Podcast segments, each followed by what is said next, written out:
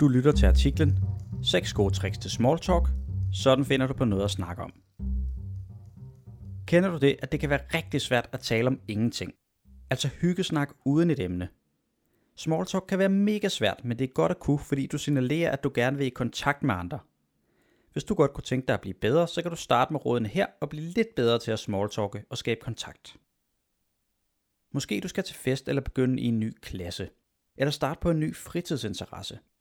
Det kan være både spændende og skræmmende at møde nye venner og bekendte, og det er helt normalt, hvis du føler dig usikker. Måske drømmer du om at møde folk og kunne hygge snak, så I har det godt sammen og måske endda griner og slapper af i hinandens selskab. Hvordan gør du? Hvor starter du? Det vil jeg introducere dig til nu. Først vil jeg lige sige, at Rom altså ikke blev bygget på en dag. Du må øve dig i at smalltalke. Gør du det, så skal det til gengæld nok blive bedre. Meget bedre endda. Her er nogle råd, du kan starte med. Det første råd er at samle på gode historier. Det er et godt trick at have et lille lager af emner, der interesserer dig. Emner, du kan bruge til at starte en samtale med, eller til at sparke liv i snakken, hvis den går i stå. Så sug til dig fra dine omgivelser. Fra bøger, film, aviser, sociale medier osv. Jo mere du er på lager, desto bedre. Har du for eksempel set en spændende film, læst en god bog eller hørt noget fed musik for nylig, så sig det til den anden. Så viser du også lidt om, hvem du er og hvad du går op i.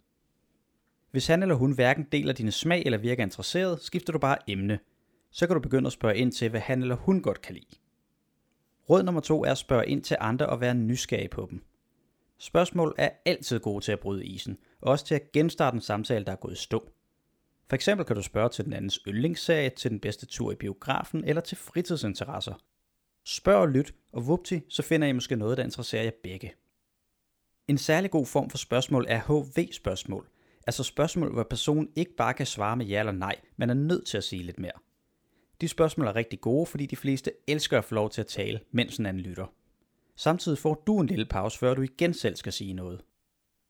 Husk at holde balancen mellem at spørge, lytte og fortælle. Det er jo ikke et interview, hvor det kun er dig, der skal stille spørgsmålene. Du kan også prøve at give komplimenter. Stort set alle synes, det er fedt at få komplimenter. Og faktisk også lige så dejligt at give dem. Så prøv at sige noget pænt om den andens sko, tøj eller hår. Fokuser på det positive, det du kan lide. Og det skal altså ikke være et billigt scoretræk. Bare en sød kommentar, der viser, at du gerne vil i kontakt og snakke. Råd nummer 4 er at tale om tingene lige omkring dig. For der sker næsten altid en masse, når du opholder dig et sted. Prøv at lægge mærke til alle de små ting, der er eller sker lige omkring dig, og tal så om dem.